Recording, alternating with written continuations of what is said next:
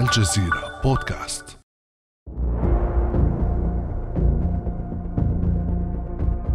ثلاثة وعشرون بالمئة هي نسبة المشاركة في الانتخابات البرلمانية الجزائرية المبكرة أي أن قرابة 77% من الناخبين غابوا عن صناديق الاقتراع. ومع ذلك لا يرى الرئيس الجزائري عبد المجيد تبون في الأمر ما يخدش شرعية البرلمان الجديد. أنا بالنسبة لي نسبة المشاركة ما تهمنيش. يهمني هو الناس اللي غادي يخرجوا من الصندوق عندهم الشرعية الكافية صوت عليهم الشعب باش غدوة ياخذوا بين يديهم السلطة التشريعية. ولكن هذا الشيء ما يخلينيش بالله متفائل الديمقراطية هذه. هي تحب الأشخاص ما تحبهمش. تحب تصوت ما تحبش تصوت داك شغلك. انتخابات برلمانية قطعتها المعارضة العلمانية ورفضها الحراك الشعبي وأفرزت نتائجها تشكيلة برلمانية تصدرها حزب جبهة التحرير الحاكم وقوائم المستقلين بينما سجل الإسلاميون صعودا لافتا فما هي دلالات تدني نسبة المشاركة في أول انتخابات برلمانية منذ انطلاق الحراك الشعبي الجزائري؟ وما هو دور البرلمان الجديد؟ وكيف سيكون شكل الحكومة المقبلة وما هي أولوياتها؟ بعد أمس من الجزيرة بودكاست أنا أمان العريسي.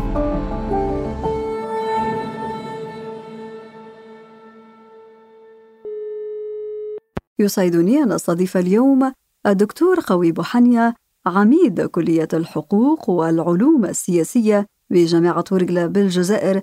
أهلا بك دكتور. أهلا وسهلا أستاذة أمال أهلا. بداية دكتور قوي الانتخابات التشريعية الجزائرية المبكرة سجلت نسبة مشاركة في حدود 23% وهذه النسبة تعد الأدنى في تاريخ البلاد ما دلالة ذلك برأيك؟ يبدو لي أستاذة أمال أن هناك سلوك يطبعه عدم الثقة في السلطة القائمة على العملية الانتخابية من بدايتها إلى نهايتها رغم وجود إشارة إيجابية من لدن السيد رئيس الجمهورية ووجود ضمانات قانونية إلى حد كبير هذا الملمح الذي تشكل عبر سنوات كثيرة وعبر أكثر من عقدين من الزمن بفعل انتشار المال السياسي الفاسد بفعل إفساد الحياة السياسية ووجود نوع من السلوك الانتخابي وهو حالة اللا تسيس. هناك حالة لا مبالاة بالحياة السياسية جملة وتفصيلا.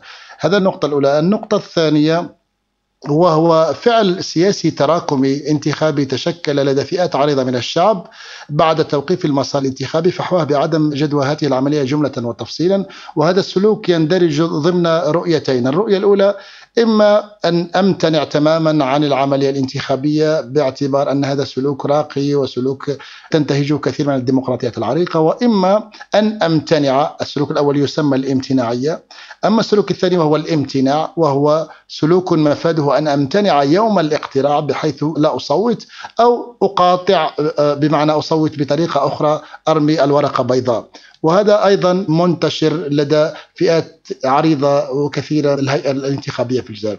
هناك نقطة ثالثة وهو أن هناك تشكيلات سياسية بعينها رأت وهذه التشكيلات لها جمهورها لها ناخبوها ولها أيضا المتعاطفون معها وهذا الجمهور فيه فئتين. الفئة الأولى هناك تشكيلات سياسية بعينها لففاس جبهة القوى الاشتراكية والارسيدي وأيضا أطياف واسعة من الحراك رأت بعدم جدوى هذه العملية الانتخابية وأنه دائما السلطة تلجأ إلى الخيار الدستوري ورغم أن المشكلة هيكلية تتطلب المسار السياسي. هذه العوامل متضافرة جعلت هذه النسبة في اعتقادي إلى حد كبير متدنية. يبدو إذا دكتور أن الأغلبية الصامتة هي من تصدرت المشهد هذه المرة. فما تداعيات خيار المقاطعة والعزوف عن التصويت على نتائج هذه الانتخابات؟ لنستمع دكتور أولا إلى رئيس السلطة الانتخابية محمد شرفي. اولا حزب جبهه التحرير الوطني تحصل على 105 مقعد 105 مقعد. اثنين مجموع القوائم المستقلة تحصلوا على 78 مقعد ثلاثة حزب حركة مجتمع السن تحصل على 64 مقعد. رابعا حزب التجمع الوطني الديمقراطي تحصل على 57 مقعد. خامسا حزب جبهة المستقبل تحصل على 48 مقعد. سادسا حزب حراكة البناء الوطني تحصل على 40 مقعد. دكتور قوي كيف تقرأ هذه النتائج؟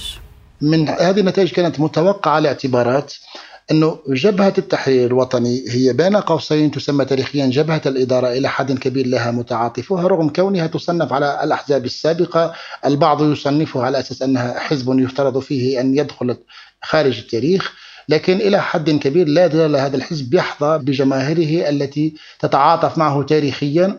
أيضا القوائم المستقلة التي انخرطت في العملية الانتخابية لا ننسى أن رئيس الجمهورية استحدث منصب وزير مستشار أو مستشار رئيس الجمهورية لشؤون المجتمع المدني اللي هو نزيه بن رمضان وقد قام بتحشيد الجمعيات على مستوى 58 ولاية وشجعهم على المشاركة في الفعل الانتخابي. حركة المجتمع السلمي تاريخيا هذا متوسط تقريبا عدد المقاعد التي تحصل عليه من خلال مختلف المواعيد الانتخابية.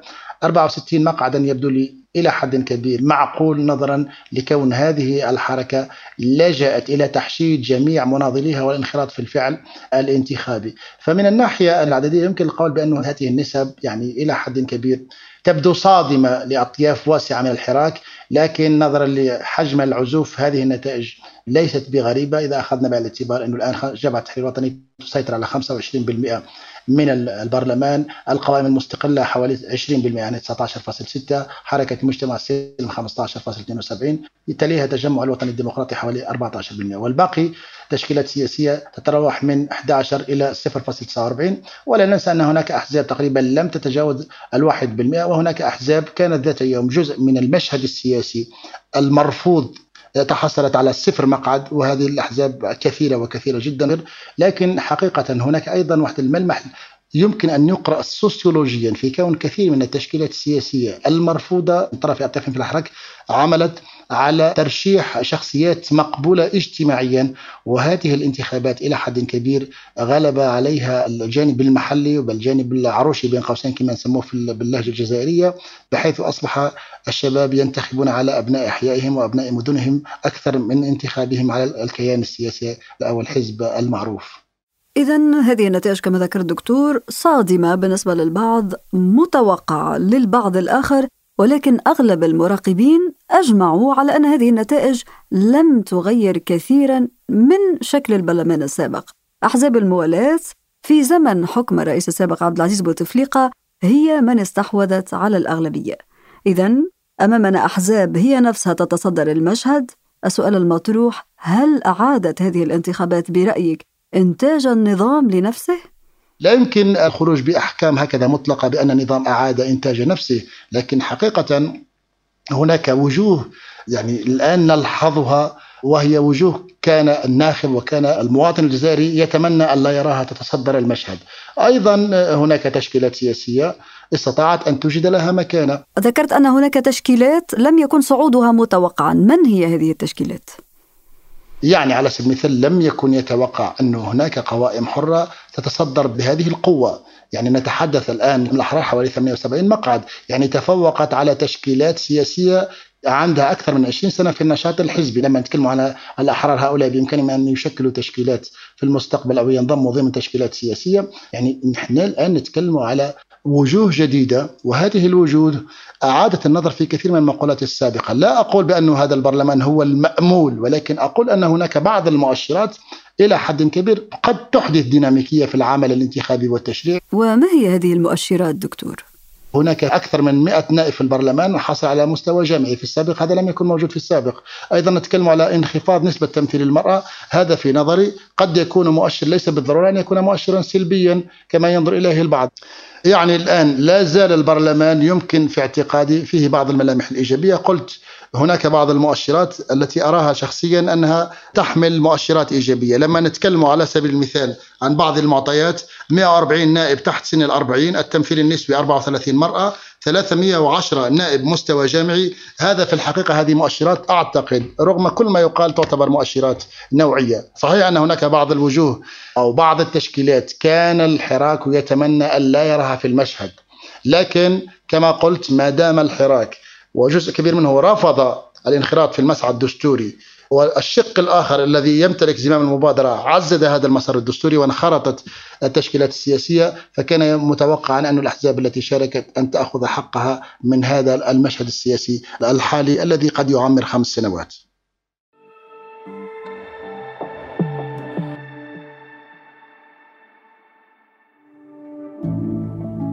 على تواصل مستمر مع الجزيرة بودكاست ولا تنسى تفعيل زر الاشتراك الموجود في تطبيقك لتصلك الحلقات يومياً.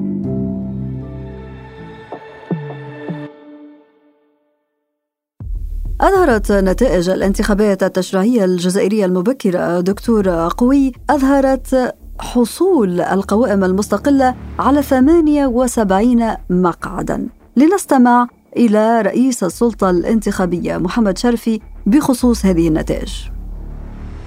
مجموع القوائم المستقلة تحصلوا على 78 مقعد مما يبرز عنصر جديد في الخريطة السياسية الجزائرية ألا وهو ثاني ثاني كتلة آه، سياسية في البرلمان هي آه، كتلة المستقلين.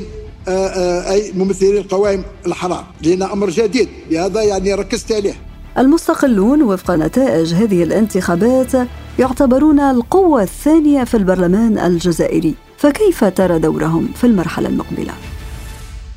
هو قانون النائب في البرلمان في الجزائر يتيح للقوائم الحرة أن تنضوي تحت تشكيلات سياسية يعني أنا أتوقع من البارح إلى اليوم وأنا أتابع بعض التشكيلات السياسية بعض القوائم الحرة دخلت في مسعى ما يسمى مسعى السيد الرئيس. بمعنى نحن القائمة الحرة المسماة ألف ندعم خيار الرئيس في مشاريعه المستقبلية ونتبنى مشروعها. هذا ما أتوقع سيعزز مما يسمى الأغلبية الرئاسية لأن القانون 0121 الذي يحدد نظام الانتخابات وأيضا الدستور الجزائري الجديد رأى بأنه في حالة وجود يعني سيطرة سياسية من لون واحد يعني أغلبية برلمانية رئيس الجمهورية بإمكانه يلجأ إلى ما يسمى رئيس الحكومة يكون من الأغلبية البرلمانية. ولكن عندما تكون غلبة للأغلبية الرئاسية هكذا أسمها فرئيس الجمهورية يسعى الحكومة يرأسها وزير أول. أعتقد أنه يبدو لي الخيار إذا أخذناه بمنطوق الدستور واعتبرنا انه الأغلبية الرئاسية هي مجموعة ائتلافات وتحالفات بين تشكيلات سياسية ستكون القوائم الحرة عنصر فاعل ومؤثر عندما تنضوي تحت تشكيلات سياسية أخرى حتى تتجاوز عتبة 50% وهو ما يعطي لرئيس الجمهورية أريحية في تشكيل الحكومة من الأغلبية الرئاسية. إضافة إلى كل هذا دكتور قوي ماذا عن أحزاب التيار الإسلامي الممثلة في حركة مجتمع سلم وحركة البناء الوطني؟ كيف سيكون دورها أيضاً؟ هي بالنسبة للتيارات بين قوسين التي تسمى أحزاب ذات خلفية إسلامية وتحديدا حركة مجتمع السلم ونسبيا حركة البناء ثم تليها العدالة والتنمية رأت حركة مجتمع السلم أن موقعها تعزز وأنها استطاعت أن تتواجد في أكثر تقريبا نقدر نقول من ثلاثة أرباع ولايات الجزائر بحيث في كل ولاية لها تمثيل وهذا شيء مهم. خلصها من ربقة أنها حزب يمكن أن يكون ضيقا إلى أنه حزب وطني متواجد في أغلب الولايات. وهذا الرهان الذي كانت تراهن عليه هذا الحزب ذو الخلفية الإسلامية أو لا. لكن بالمجمل هناك تعزيز دور الاتجاه السياسي الإسلامي في البرلمان والمحافظة على موقعه اللي عادة دائما يكون في هذا الحدود يعني بين 50 إلى 70 نائب في البرلمان هذه المرة مجتمعا تجاوز ال 100 مقعد. دكتور قوي إذا أيا كانت تركيبة البرلمان الجديدة في ظل غياب المعارضة العلمانية وتصدر أحزاب الموالاة كما ذكرنا والمستقلين من المؤكد أن هناك مهام كثيرة تنتظر البرلمان في الفترة المقبلة سواء على الصعيد الداخلي أو الإقليمي أيضا لنبدأ بالأولويات الداخلية للبرلمان الجزائري ما هي؟ ربما المتابع للعملية التشريعية في الجزائر يرى هناك هيمنة من طرف السلطة التنفيذية على مختلف السلط بما فيها سلطة تشريعية والدليل على ذلك أن في دراسة أصدرتها مؤخرا هناك أكثر من 90% من سيطرة عمل السلطة الرئاسية رئيس الجمهورية على عمل البرلمان بحيث كانت أغلب التشريعات بأوامر رئاسية. هذا إشكال كبير. يعني ما هو دور السلطة التشريعية بها؟ يعني يجب أن يكون هناك دور مهم جدا لهذه السلطة من خلال الأسئلة الشفوية والأسئلة الكتابية وملتمسات الرقابة بحيث يكون هناك ديناميكية ومتابعة لأعمال الحكومة. هذا النقطة الأولى. النقطة الثانية وهي نقطة سلبية. حالة الغياب المتكرر لنواب البرلمان بحيث أحيانا عندما نتابع جلسات أسئلة شفوية أو كتابية لوزير نجد البرلمان كامل فارغ وكأن هذا الشيء لا يهم المواطنين والناخبين الذين انتخبوا على هذا النائب في البرلمان. هناك في حاجة إلى إحداث ديناميكية في هذه المؤسسة من خلال تجويد العمل التشريعي داخل هذه المؤسسة التي تم شلها على مدار أكثر من عقد من الزمان. هذه النقطة الأولى التي أعتقد والتي تخص المؤسسة التشريعية في حد ذاتها. طيب دكتور هذا على مستوى العمل البرلماني ماذا عن التحديات الاقتصادية والاجتماعية التي تواجهها الجزائر أي دور للبرلمان في هذه المرحلة؟ يبدو لي أهم إشكال الآن في الجزائر هو كيف تسن قوانين جديدة لمؤشرات التنمية بمختلف مكوناتها ومصفوفاتها. البحث عن تحويل الاقتصاد الجزائري من اقتصاد ريعي تسيطر 98% من قطاع الإنتاج إلى قطاع المحروقات إلى قطاعات أخرى كالطاقات المتجددة والطاقات البديلة. المؤشر المحور الثاني الذي يجب أن تشتغل عليه المؤسسة التشريعية وهو كيف تسن وتعيد النظر في صياغة قانون العمل وقانون الوظيفة العمومية اللي هو الآن عمره أكثر من 20 سنة. يعني هناك أولوية لإعادة صياغة القوانين التي ترتبط بحياة الموظف من بدايته إلى نهايته. النقطة الثالثة هناك مؤشرات حقيقة تؤرق الجزائر وهي ما على سبيل مؤشرات البطالة اللي قاعدة ترتفع من سنة إلى أخرى. بالنسبة للرهانات الخارجية هذا شيء آخر أيضا له تحديات وله صعوبات. نعم دكتور هذا بالضبط ما كنت أود أن أسألك عنه. الرهانات الخارجية نعرف أن الدستور الجديد الجزائري يمنح للبرلمان سلطة إرسال قوات من الجيش الجزائري للمساهمة في إحلال السلام خارج الحدود. هل تتوقع أن ذلك سيكون في المدى القريب دكتور؟ أنا أعتقد هذا الدور كان معطل لأنه العقيدة الأمنية للجيش الشعبي الجزائري هو جيش دفاعي بالأساس. وظل محافظ على هذه العقيدة لاعتبارات تاريخية ولاعتبارات سياسية. فحواها عدم تدخل في شؤون الآخرين وحلحلة المشاكل بالطرق السلمية. لكن الذي وقع أن الجزائر أصبحت محل تهديد من طرف ما يسمى الأزمات التي لها أبعاد ثقيلة وأبعاد خفيفة يعني ما نسميها التهديدات الصلبة والتهديدات اللينة. كل ما له علاقة بتجارة السلاح والمخدرات وتحالف الجريمة المنظمة جعل الجزائر في محل تهديد خصوصا في منطقة الساحل وساحل الأزمات والجزائر لديها حدود ملتهبة بهذه الدول مما جعلها تدفع ضريبة الأمن لها ولجيرانها. بالتالي المشرع الجزائري نص دستوريا في التعديل الدستوري الأخير على إمكانية إرسال وحدات من الجيش الجزائري في إطار ما يسمى عمليات السلام سواء كانت وطنية أو إقليمية أو دولية شريطة موافقة على ما أعتقد ثلثي أعضاء البرلمان. أعتقد أنه ربما هذه رؤية تجهز الجيش لمهام مستقبلية لها علاقة بإحلال السلم سواء في دول الجوار أو حتى في لها في مهمات أممية. أعتقد هذه يجب أن ننظر إليها ليس نظرة كما ينظر إليها الآخرون نظرة دائما سلبية قاتمة. أعتقد أن الجيش الجزائري بانتقاله ومشاركته في أعمال آه، ثنائية أممية متعددة الأطراف من شأنها أن يعطي احترافية أكبر للمؤسسة الجيش وأيضا أن يعمل على ضمان استق... يعني إضافة آليات جديدة في طريقة العمل وفي التعامل مع مختلف الأزمات الهيكلية خصوصا أن الجزائر عاشت عشر سنوات في مجال مكافحة الإرهاب الآن الإرهاب أخذ أبعاد مختلفة وممارسة الجيش لهذه الوظيفة من شأنه أن يعزز دور هذه المؤسسة العسكرية ويعطيها احترافية أكبر طيب دكتور وبالنسبة للحكومة القادمة كيف سيكون شكلها بالنظر إلى النتائج وهذه القراءة التي قدمتها لنتائج الانتخابات التشريعية الجزائرية المبكرة؟ أنا يبدو لي رئيس الجمهورية سيلجأ إلى تبني منطق الحكومة الائتلافية. بمعنى ستضم مجموعة تحالفات من طرف مثلا حزب جبهة التحرير الوطني ربما أكيد القوائم المستقلة ستشكل قطب الراحة ربما حركة مجتمع السلم جبهة المستقبل بالتأكيد وغيرها. بالتالي أعتقد أنه سيلجأ الرئيس في إطار تبني مسافة المسافة الواحدة مع الجميع لكونه ترشح كرئيس حر رغم انتمائه السابق إلى حزب جبهة التحرير الوطني أن يكون على مسافة واحدة من مختلف التشكيلات السياسية قد يرشح شخصية تكنوقراطية ولكن وبالنسبة للإسلاميين دكتور قوي هل سيكون لهم دور في الحكومة القادمة؟ هو نعطيك حركة المجتمع السلمي تتبنى منطقة الشورى. بمعنى سيجتمع مجلس الشورى ويقرر في حالة ما إذا تم عرضه عليه الدخول في الحكومة سيدخل أم لا. بالنسبة لحركة البناء لديها تصور خاص. أصبحت من خلال مجموعة من السلوكيات لا تصنف نفسها كحركة إسلامية. أعتقد ربما ستكون ممثلة بوزير أو وزيرين. لكن على الأرجح إنه سيكون الإسلاميين لهم تمثيل ولكن لا أعتقد إنه تمثيل كبير، سيكون لهم تمثيل تمثيل ربما من الحجم البسيط إلى الحجم المتوسط وستلجأ ربما تلجا رئيس الجمهورية إلى تبني حكومة تكنوقراط أكثر منه حكومة ذات لون حزبي سياسي واحد على اعتبار أنه يمكنه الدستور من تبني ما يسمى الأغلبية الرئاسية التي تجعله في حل من أي تبني أي تشكيلة سياسية في إقحامها في الحكومة الحالية. في الختام دكتور قوي يبدو استنادا لكل هذه المعطيات التي تحدثنا عنها أن فكرة بناء الجزائر الجديدة التي تحدث عنها مرارا رئيس الجزائري عبد المجيد تبون تحتاج إلى وقت أطول، أليس كذلك؟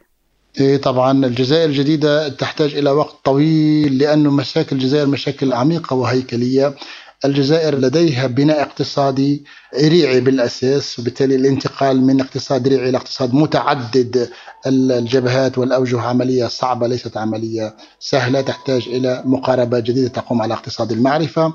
الجزائر عاشت على مدار أكثر من 20 سنة حالة استشراء للفساد بكافة تشكيلاته وتجلياته. هذا في حد ذاته ملف ثقيل وثقيل جدا لكون الأموال المنهوبة ليست فقط داخل الجزائر وإنما داخل وخارج الجزائر. هناك إشكاليات كبيرة هيكلية وإدارية أعتقد أن الجزائر الجديدة المتبنات من طرف السيد رئيس الجمهورية تحتاج إلى عمل صادق وعمل أكيد طويل المدى وليس عمل مرتبط بخطة زمنية قصيرة أو بسيطة. ملفات كثيرة وإشكاليات كبيرة تنتظر إذن البرلمان الجزائري المنتخب. شكرا جزيلا لك دكتور قوي بوحانيا عميد كلية العلوم السياسية بجامعة ورقلة بالجزائر. شكرا لك على الاستضافة وشكرا للمستمعين. كان هذا بعد أمس.